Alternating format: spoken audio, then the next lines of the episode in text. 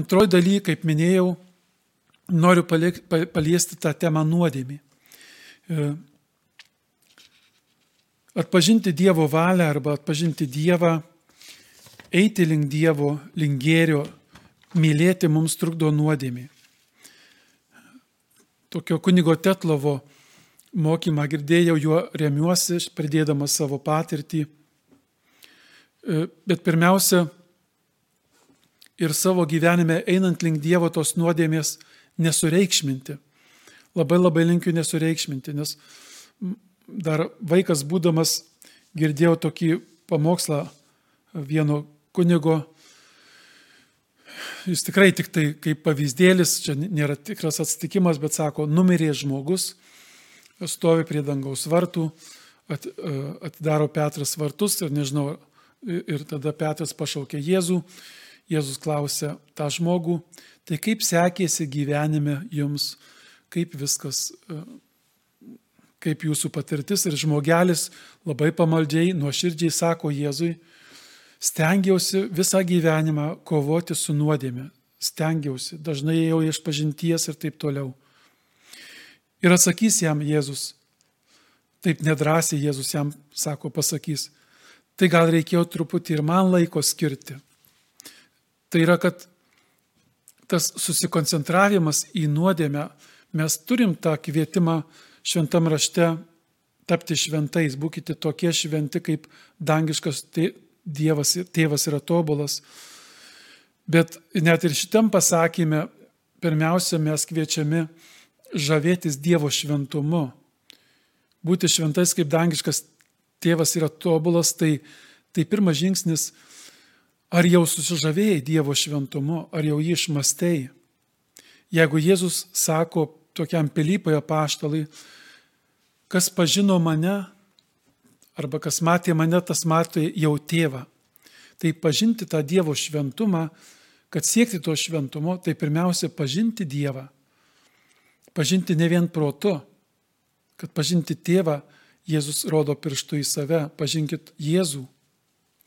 Tai vėl grįžtų prie tos nuodėmės. Kartais mes baigę tuos sakramentus, pasiruošę pirmai komunijai, išpažinčiai, e, galim būti, kad darom tokią klaidą, kad pasiliekam prie tų net ir, ir kai sąžinės peržvalgą žiūrim dienos pabaigoje, bėgyje, yra visada pavojus pasilikti prie tų tik nuodėmių ieškojimo mano gyvenime, kur aš esu klydau, kaip čia tapti šventesniu ir taip toliau. Tai aš kalbu apie nuodėmės, e, ji yra, bet, bet labai linkiu neperlinkti lasdos. Kai viešpats mus rojaus dangaus vartuose sutiks, tai jis pirmiausia klaus, kaip sekėsi mylėti. Jo, jo pirmutinis klausimas bus. Arba netgi aš manau, kad klaus pirmiausia, kaip sekėsi tikėti mano meilę. Ar, ar tikėjai mano meilę gyvenime. Nes pradedant nuo to, ką ir pirmoji daly kalbėjau, ieškokite pirmiausia Dievo karalystės arba ieškokite pirmiausia Dievo meilės, kur buvai mylimas, mylima. Kaip tu ją patyrei, visa kita bus pridėta. Bet neapleisti ir tos nuodėmės. Tai kuningas Tetlovas tokias tris mintis pasako apie nuodėmės buvimą mano gyvenime ir jūsų gyvenime yra nuodėmė pasaulyje. E, nepriklausomai ar aš padarysiu ją ar ne, bet ji yra. Pagal krikščionybės mokymą tas uh, istorija Adomo ir Jėvos, tas, ta, ta pirmoji nuodėmė padaryta nepaklusnumo nuodėmė ar ten puikybės nuodėmė. Ir taip mūsų prigimtis yra pažeista tos gimtosios nuodėmės net ir per tada, kai per krikštą E, atleidžia mums gimtoji nuodėmė, vis dėlto lieka gimtosios nuodėmės pasiekmės. Tai yra nuodėmė pasaulyje, kur nesame mes dėl to objektyviai kalti, bet ji mus paliečia. Apaštlas Paulius sako, tą nuodėmės įstatymą, kuris yra mumise, jis taip nusako, noriu daryti gerą, bet nepadarau. Noriu išvengti blogio, nedaryti blogą, bet padarau. Bet padarau blogį. Taip kaip ir mums kartais turbūt rytais, netikiu, kad iš mūsų kas nors rytais atsikėlę galvoja, kaip čia šiandien padaryti nuodėmę. Arba kaip čia šiandien man susipykti su, su draugu. Ar, ar, ar žmonai su vyru, ar, ar vaikai, kaip čia šiandien mes su broliu susipykti. Tikrai iš ryto, jeigu dar gerai įsimiegoja, mes, mes to neplanuojame. Netgi turbūt pasiryštame mylėti kiekvieną žmogų. Bet ta nuodėmė įvyksta. Taigi yra nuodėmė pasaulyje, nuo kurio mes nepriklausome. E, yra ta prigimti sužeista. Tada antras teiginys yra nuodėmė pasaulyje, kuris sužeidžia kitus ir sužeidžia mane arba, bet nebūtinai, kad aš dėl to kaltas. Ir toks vienas pavyzdėlis, tas kunigas Tetlovas mums, kai kalbėjo apie šitą nuodėmę, sako, E, jis yra amerikietis, jėzuitas sako, kai augau vaikas e, Amerikoje, e, galbūt Čikagos gatvėse, buvo toksai to, tas laikas, kai buvo juododžiai nemėgiami arba persikiojami, arba tas rasinė neligybė buvo Amerikoje. Ir sako, mes vaikai, augdami jau iš tėvų girdėdavome, kai juodaodį vadindavo niger arba juododį žmogų neleisdavo į tuos pačius barus, kur, kur baltaodžiai ir taip toliau. Tai mes vaikai, lakstydami gatvėse, jeigu pamatydavome vaiką, kuris juodaodis, mes visi pirštais badydavom, sakydavom, tu nigeris, tu nigeris. Ir sako, dabar, kai aš jau užaugęs, jau kunigas, suprantu, kad mūsų tas pasakymas tą vaiką žaidė. Tam vaikui buvo nemalonu. Bet objektyviai, kai mes tai darėm, tie vaikai, taip sakydami, mes tai išmokom iš tėvų. Ar tai, arba tai buvo tokia kultūroje nusistovėjusi tradicija, nepakantumamas kit, kitai spalvai. Ir jeigu ieškant tos nuodėmės, kiek čia kas kaltas, tai nebūtinai, kad kaltinti tik tai sistemą, bet pats, kaip, kai aš tai darydavau, sako kuningas Tetlovas, aš žinau, kad sužeisdavau kitą, dabar taip svarstau. Bet nebūtinai tai buvo labai didelė kaltė manyje, nes nebuvo samoningumo. Tai tas ant, e, antras lygmuo, kai yra nuodėmė pasaulyje, kurie sužeidžia kitą. Ir tada trečias tas lygmuo, kur yra nuodėmė pasaulyje, kuri nuo manęs priklauso, kai aš samoningai, laisvai nusidedu arba pusiau samoningai, pusiau laisvai, kai tai nuo manęs priklauso. Kai, kai aš jau žinodamas tą dešimt Dievo įsakymų, arba žinodamas, kad taip negalima daryti, paveiktas, nežinau, savo nekantrumo, paveiktas dar kokiu nors savo įdų ir taip toliau, sužeidžiu žmogų, padarau nuodėmę, įžeidžiu Dievą. Tai nuodėmė, nuodėmė. Dabar kas ir tai trukdo Dievo valią atpažinti. Ir tai ypač Dievo valią trukdo atpažinti tą vadinamą kultūros nuodėmė, kai mes su ją apsiprantame. Netgi nebūtinai, net nebūtinai sistemoje arba pačioj kultūroje yra ta nuodėmė įteisinta, bet mano įpročiuose gali atsirasti dalykai, kur aš apsiprantu ir tai nelaikau nuodėmė. Ir tai mums trukdo Dievo valią suprasti. Ką daryti? Ir vėl čia kviečiu pažvelgti į Jėzų. Jėzaus asmuo. Jėzus tapo žmogumi ne dėl to, kad mus kaip nors, ne vien dėl to, kad mus nustebintų, arba ne vien dėl to netgi, kad parodytų, kas yra tėvas, bet Jėzus, tapdamas žmogumi, kai užaugo, sako, sekite mane darykite, kaip aš dariau. Ir jeigu žiūrėtume į Jėzaus asmenį, ką jis, kaip jis elgėsi su nuodėmė, nors pats buvo nepadarė nuodėmės, vienas iš būdų Jėzaus, ką jis darydavo su nuodėmė, jis laužė nuodėmės struktūras.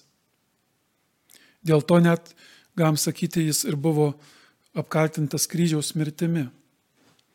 Jėzaus laikais vaikų teisės, moterų teisės įstatymų kartais buvo įteisinta jas smerkiant arba nevertinant vaikų. toks romėnų įstatymas galiojo dėl vaikų.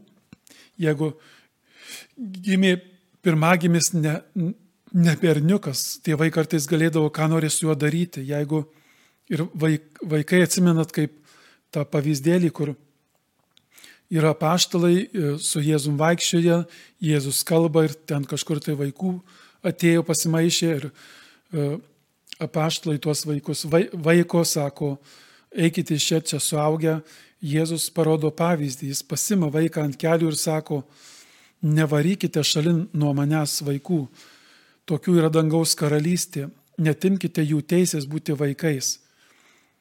Arba moterys, kai, kai įstatymė buvo įrašyta, kad moteris, kuris svetimauja, užmėtoma akmenimis.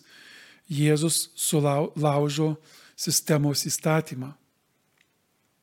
Tas vėl, kas skaitote šventą įraštą, žinot, ypač tas momentas, kur, kur moteris sugauta svetimaujant, prie Jėzaus atvedama ji ir norėdami Jėzų apkaltinti arba pamatyti, kaip jis reaguos, jie klausė Jėzaus, Mozės įstatymė parašyta, kad tokia reikia užmušti akmenimis.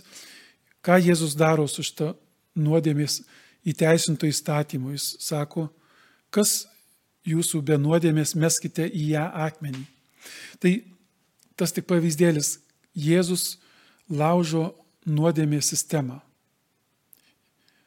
Jis moko ir mus.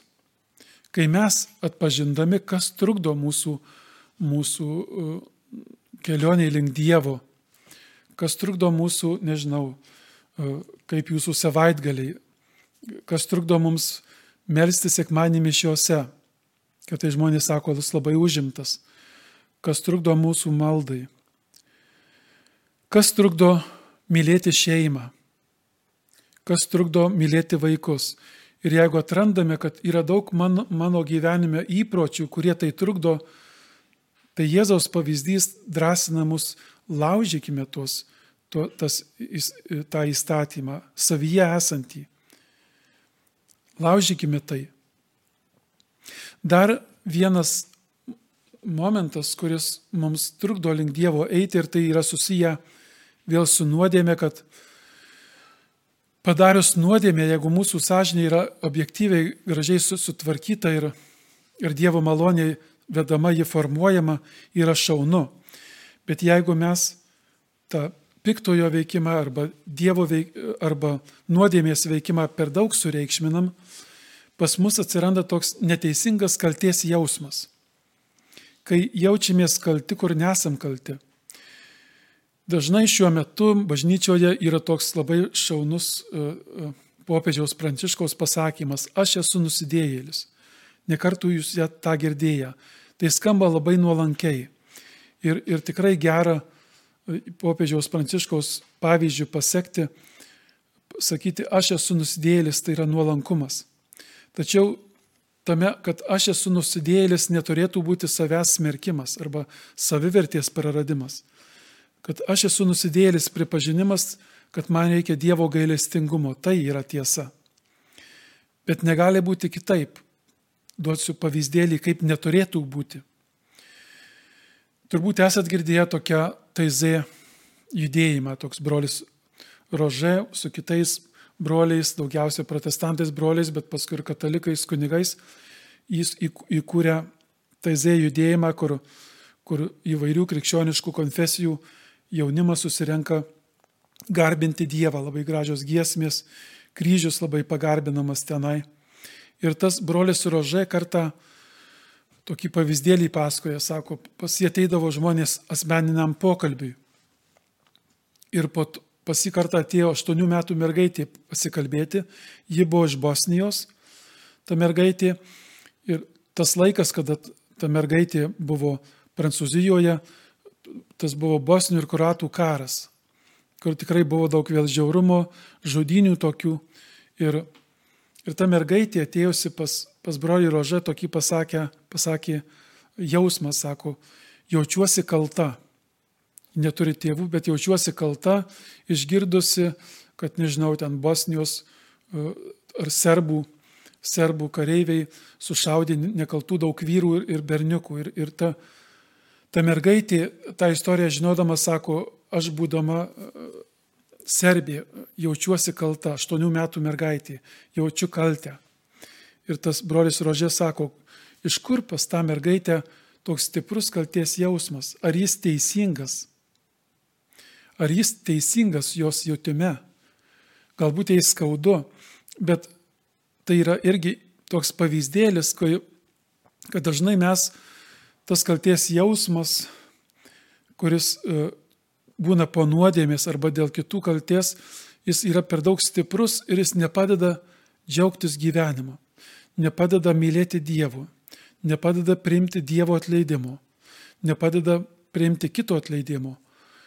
Ir dar svarbiau, mes patys savo nepaėgėme atleisti.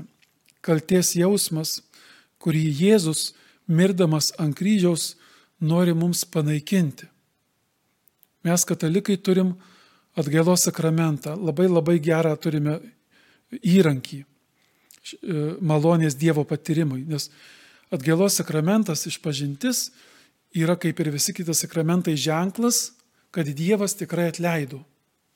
Ir tie, kurie klauso šio mokymo, labai labai linkiu, praktikuokime išpažinti.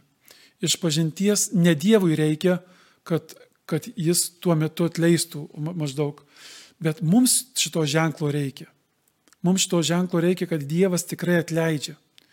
Išpažintis yra nuolankumas, tai ką ir popiežius sako, esu nusidėjėlis, bet Dievo labai mylimas.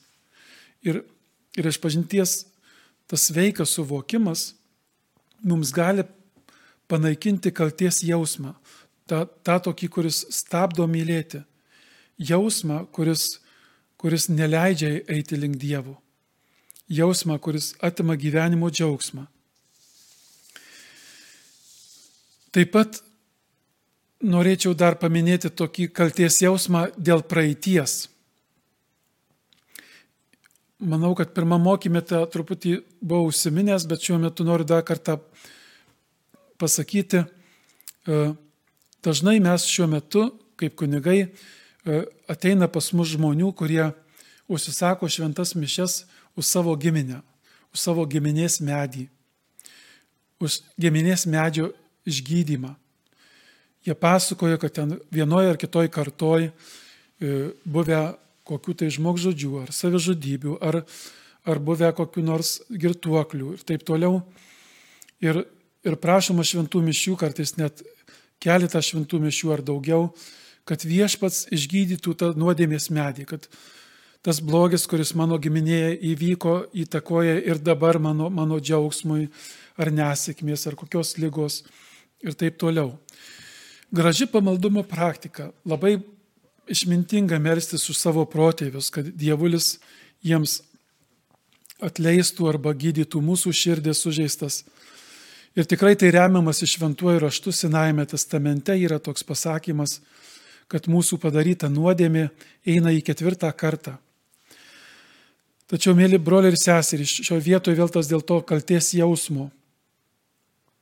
Jeigu jūs tam Senajame testamente toliau skaitytumėte šią ištrauką, kur pasakyta, kad padaryta nuodėmė arba blogis eina į ketvirtąją kartą ir tolėtų, toliau skaitytume apie gerus darbus arba apie gerą darbą padarytą, tai švento rašto autorius, žinot kaip sako, o mūsų geras darbas eina į tūkstantąją kartą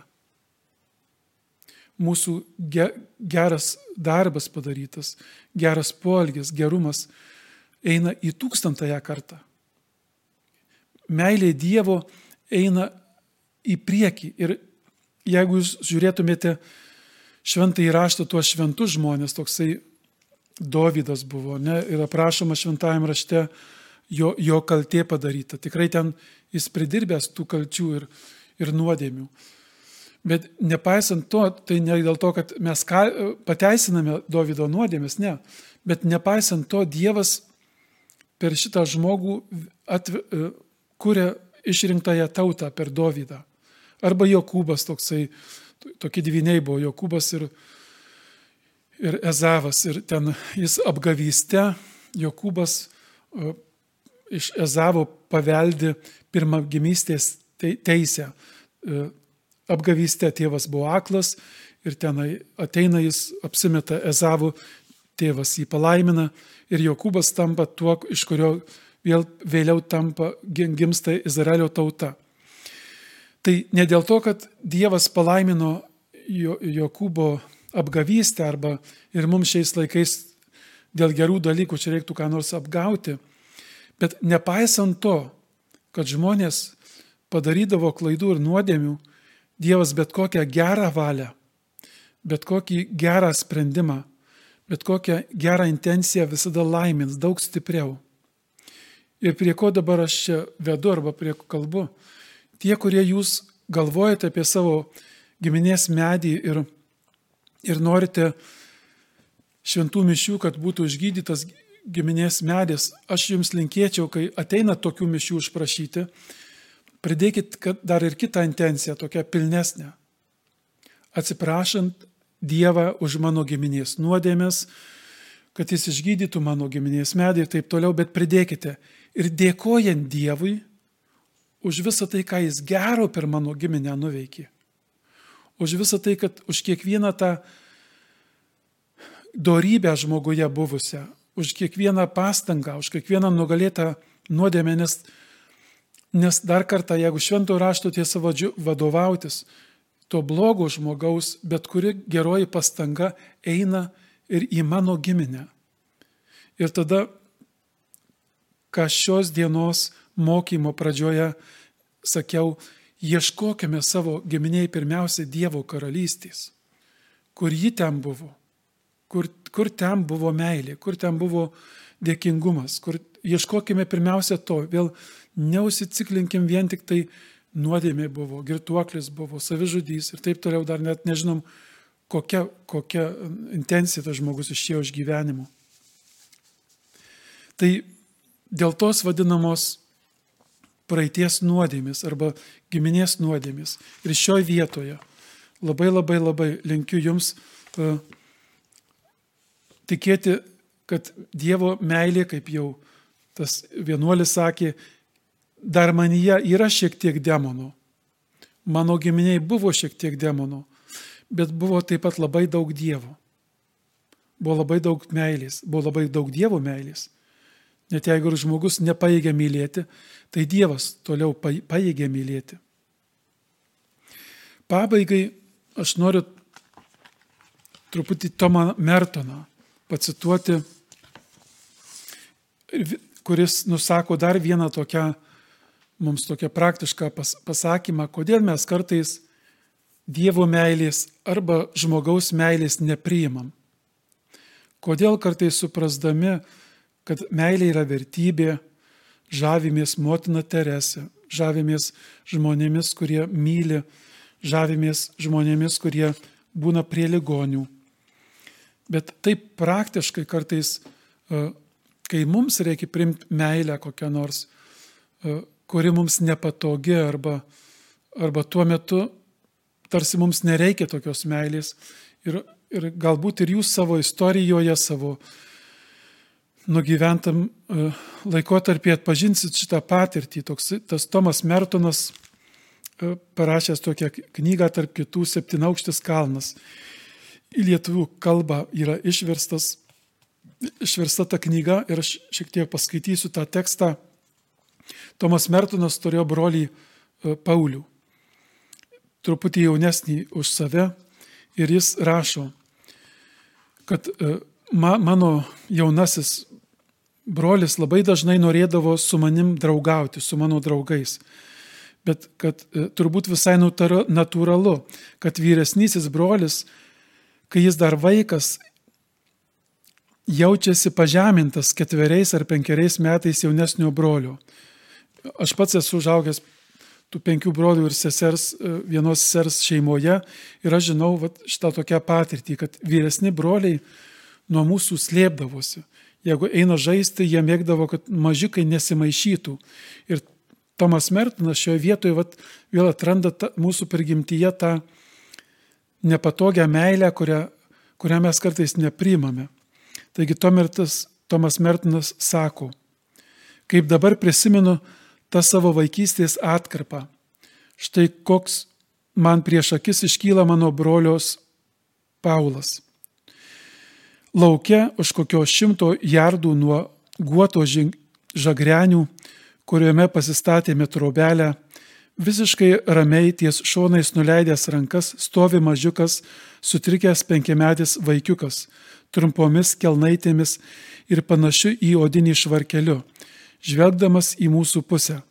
Kitaip sakant, Tomas Mertinas nupasakoja tokia, tokį vaizdą. E, dažnai vaikai mėgdavo ir mes mėgdavom miške kokią nors trubelę slaptą pasistatyti, ar, ar kokiam nors duobėje, griovyje, ar, ar medyje įsirengti trobelę, kur, kur pasislėpi, kur, kur jautiesi toks partizanas, nežinau, ar indienas ir taip toliau.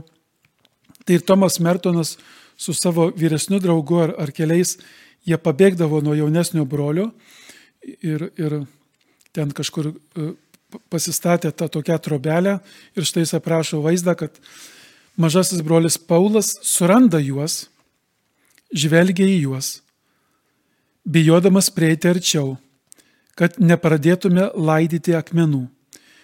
Veikiau nuliūdęs negu įžeistas, pilnomis pasipiktinimo ir sielvarto akimis. Tačiau šalin neina, mes jam šaukime dink iš čia, kad pasišalintų kad ruoštų namo. Paleidžiame jo pusin dar vieną kitą akmenį, bet jis niekur neina. Rėkiam, kad žaistų kur nors kitur, jis nejuda. Taip ir stovi, neverkia, nekūkčioja, tik stovi piktas, nelaimingas, įskaudintas ir be galo liūdnas. Ir vis tiek baisiausiai domisi tuo, ką mes darome. Dengiame malksnomis trobelės stogą begalinis troškimas būti su mumis, daryti tą patį, ką ir mes, neleidžia jam pasitraukti. Jo prigimtyje įrašytas įstatymas liepia jam būti su savo vyresniuoju broliu ir daryti tai, ką jis daro. Užtat jis niekaip neįstengia suprasti, kodėl šiuo atveju tas įstatymas taip neteisingas ir nepateisinamai pažeidžiamas. Ir toliau Tomas Mertinas tokias daro išvadas, kad ir mūsų gyvenime mes tą Dievo meilę neprimame arba jos neieškome, nes ji mums nepatogi tuo metu. Pasidarom kokį tai saugumą savo susikurtą ir ta Dievo meilė dar ne dabar.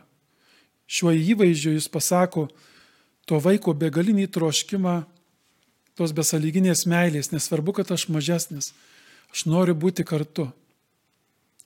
Jeigu toliau svarstant, Lygiai taip Dievas ateina į žemę tuo mažu, mažu Jėzumi. Jis be galo nori Dievas būti su mumis kartu gyvenime, mūsų sprendimuose, mūsų maldoj, mūsų darbuose, mūsų ir šiuo, šiuo metu situacijoje, kur mes esame tuo, tuo viruso akivaizdoje, Dievas labai nori būti žmogaus gyvenime. Jis taip nori, kad iš dangaus neiškentęs ateina tampa žmogumi. Kai ieškome Dievo meilės, kai ieškome Dievo karalystės, ar maldoje ir ją atrandame, mes taip leidžiame Dievui būti mūsų gyvenime. Mes taip leidžiame Dievo meiliai, Dievo džiaugsmui skleistis mūsų gyvenime. Meilė, kurią Dievas duoda, staiga netampa nepatogi, ji tampa pilnatvė. Toks, mėly broliai ir seserys, šiandien mano mokymas, kaip pasiruošiau, kaip man atrodė, arba tai, kaip vedė mane šventoji dvasia. Kiekviename iš mūsų, aš tik vėl užbaigsiu, yra truputis demonų, bet yra labai, labai daug dievų. Ieškokime to Dievo, kurio labai daug. Kasdienybėje, kai praeina diena, savo darbe, kai, kai nudirbu tą dieną, savo gyvenime Visa kita bus pridėta. Jėzus sako, ieškokite Dievo karalystės. Visa kita bus pridėta. Garbė Dievui, Tėvui ir Sūnui ir Šventai Dvasiai, kaip buvo pradžioje dabar ir visada ir per amžius amen.